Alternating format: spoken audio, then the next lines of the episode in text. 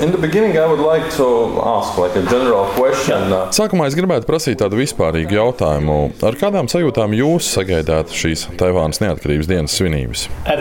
Level, I'm sentimentally excited about the upcoming National Day in Personiski es esmu ļoti sajūsmināts, jo man šī ir pirmā reize, kad es kā diplomāts strādāju Eiropas kontinentā. Iepriekš es esmu strādājis Londonā un pirms ierašanās Rīgā es strādāju Brunejā. Un šī nacionālā diena būs pirmā, ko es atzīmēju Latvijā un arī Igaunijā, kur arī esmu akreditēts.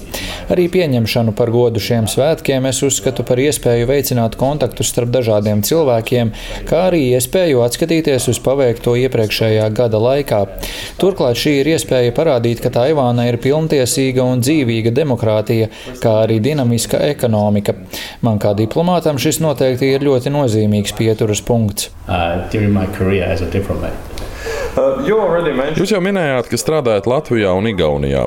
Kā jūs raksturotu, kuras ir tās sfēras, uz kurām jūs visvairāk koncentrējaties un uh, kurām jūs vēlētos pievērst vēl lielāku uzmanību nākotnē? Uh, despite the you know lack of diplomatic relation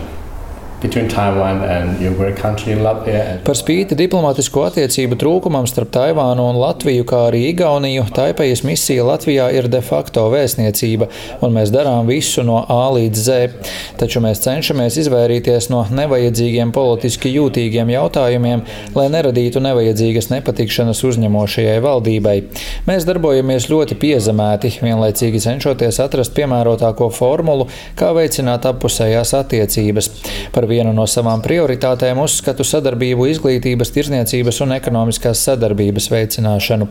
Tā kā Taivāna ir viens no pasaulē vadošajiem spēlētājiem informācijas un komunikāciju industrijā, mēs pievēršam lielu uzmanību arī zinātnē un tehnoloģijām.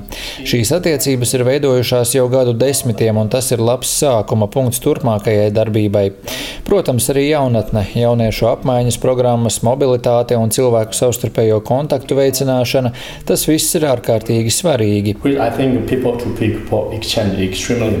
Um, Jūs pieminējāt par piezemētajām diplomātiskajām attiecībām. Pirms neilga laika mēs dzirdējām par problēmām un saspīlēm starp Ķīnu un Lietuvu, kas viņuprāt centās palielināt šo diplomātisko rangu, taču tas izraisīja asu pretreakciju no Pekinas puses. Vai jūsuprāt, šī situācija kaimiņu valstī ir ietekmējusi jūsu attiecības arī ar atbildīgajām personām un politiķiem šeit Latvijā? Further, I would like to make it even more uh, Skaidrības labad es gribu precizēt, ka mēs neesam šeit ieradušies, lai radītu kādas nepatikšanas. Mēs šo laivu nešūposim, bet gan meklēsim veidus, kā mūsu abu valdības var veiksmīgi sadarboties. Tas gan nenozīmē, ka mēs nevēlamies izcelt vienu lietu. Taivāna ir suverēna valsts. Ķīnas Republika Taivāna var būt uzticams un konstruktīvs partneris starptautiskajā sistēmā, taču mēs kā diplomāti esam pacietīgi.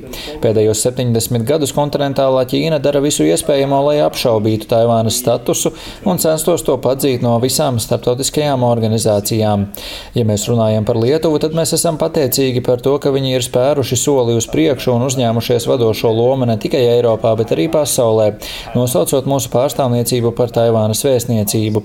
Nekas tāds iepriekš nav noticis.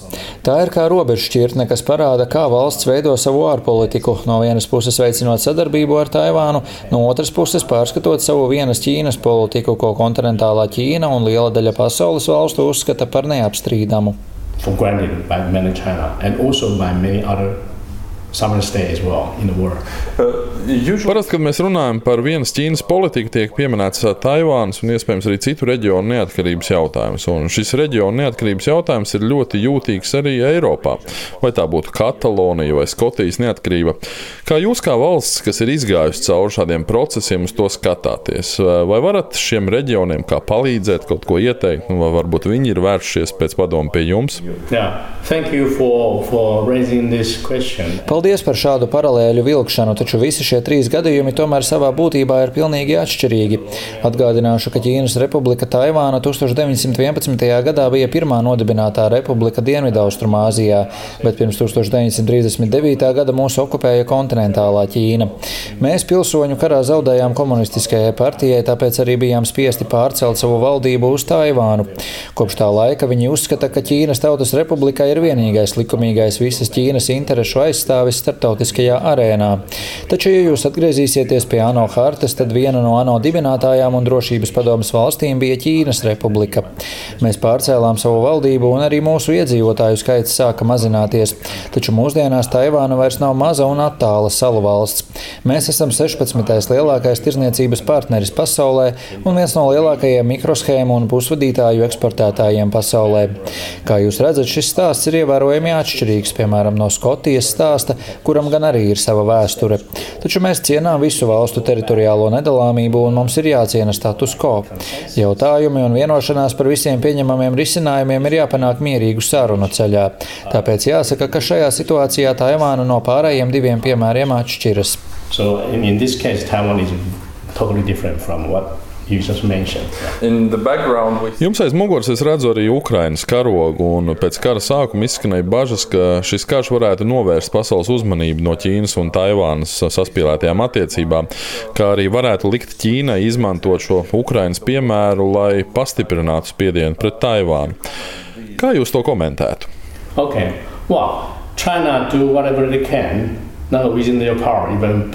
Patiesībā, ja Ķīna gribēs kaut ko izdarīt vai paņemt, viņiem nevajadzēs nekādu iegānstu. Viņi vienkārši to izdarīs.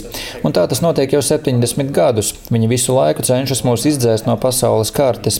Un šeit mēs atkal varam likt paralēlis ar to, kas notika Eiropā pirms otrā pasaules kara. Arī Baltijas valstis savu neatkarību pasludināja 1918. gadā un varēja šo neatkarību izbaudīt kādus gadus 20 pirms nāca padomju un nacistu okupācija.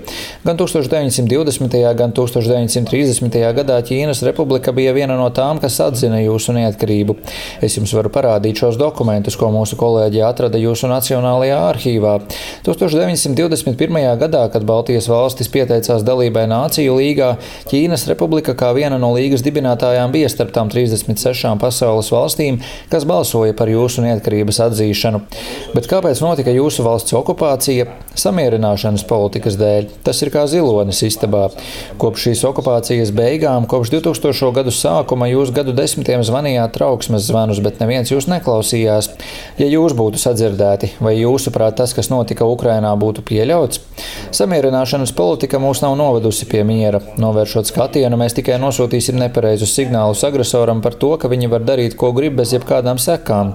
Notiekošais Ukrainā ir ļoti smaga mācība visai pārējai starptautiskajai sabiedrībai. Uh, uh, Viena liela atšķirība starp Ukrajinu un Taivānu ir ASV nostājā. Uh, Ukraiņas gadījumā ASV sniedz dažādu ekonomisko, militāro palīdzību. Savukārt, atbildot uz jautājumu, vai gadījumā, ja Ķīna iebruks Taivānā, ASV ies palīgā un nosūtīs savus spēkus, ASV prezidents Baidens atbildēja jā. Kā jūs novērtētu šīs Taivānas un ASV attiecības plašākā Dienvidu Austrumāzijas reģiona kontekstā? Uh, most... Amerikas Savienotās valstis ir bijusi aktīvākā mūsu atbalstītāja kopš mana valdība pārcēlās uz Taivānu. Tā ļoti dāsni sniedza mums finansējumu, ļaujot kļūt par tādu valsti, kāda mēs esam pašlaik. Viņi palīdzēja reformēt izglītības sistēmu, palīdzēja attīstīties mazajiem un vidējiem uzņēmumiem.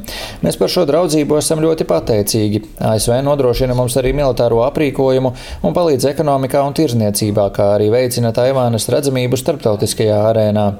Mums ir vajadzīgs arī ASV atbalsts, lai aktualizētu jautājumu par mieru, drošību un stabilitāti apkārt Taivānai. Mēs esam salu valsts, kurai blakus atrodas Taivānas šaurums. Tas ir viens no nozīmīgākajiem kuģošanas ceļiem, pa kuru pārvietojas apmēram 70% reģiona preču. Energoresursus pat nepieminēsim. Zeme, jūra un aviācija migrācija, tās nav Taivānas iekšējās lietas. Par šiem nopietniem jautājumiem ir nopietni jādomā arī pārējai starptautiskajai sabiedrībai. Uh, Pēdējās nedēļas laikā mēs esam dzirdējuši par kārtējiem Ziemeļkorejas veiktajiem balistisko raķešu izmēģinājumiem, tostarp arī netālu no jūsu valsts. Kā jūs komentētu šīs Ziemeļkorejas kodola aktivitātes reģionā un arī no Krievijas puses izskanējušos kodola draudus? Kā jūs skatāties uz šo drošības jautājumu? Well, alarming Tas ir ļoti satraucoši. Vien pirms dažām dienām Ziemeļkorejas līderis Kims Čenuns pasludināja Ziemeļkoreju par valsti ar kodolieročiem. Cilvēkiem citur pasaulē tas ir tikai tāds žests, tikai izteikumi, kas nav jāuztver nopietni. Taču viņš kā diktators, līdzīgi kā Sīdziņpins vai Putins, uz starptautiskās skatuves dara visu ar aprēķinu. Lai arī varbūt tas ir iekšējais jautājums, tiek pētīts, kāda būs reakcija ārpusē. Ziemeļkorejas līderis ir paziņojis, ka šis pieņemtais likums ir neatgriezīgs neatgriezenisks. Varbūt viņiem kā diktatoriem šī ir tikai ideja, bet varbūt kodolkarš ir tikai viena pogas spiediena attālumā. Tāpēc mums ir jābūt īpaši uzmanīgiem. Līdzīgi domājošām starptautiskās sabiedrības valstīm ir jāapvienojas un stingri jādemonstrē sava vienotība un solidaritāte pret šādiem izgājieniem. Mums ir jāizstrādā uzticams atturēšanas mehānisms. Iespējams, ar atturēšanu vien nepietiks un būs nepieciešama kāda stingrāka rīcība, taču tā ir jākoncentrē ap ASV un Eiropas Savienību. United States. Speaking, uh, ļoti bieži tiek teikts, ka ir nepieciešams reformēt arī ANO drošības padomu, jo tādas valstis kā Ķīna un Krievija izmanto savas veto tiesības. Kāds ir jūsu viedoklis? Well, I, certainly I have my opinion as I been working in United, New York.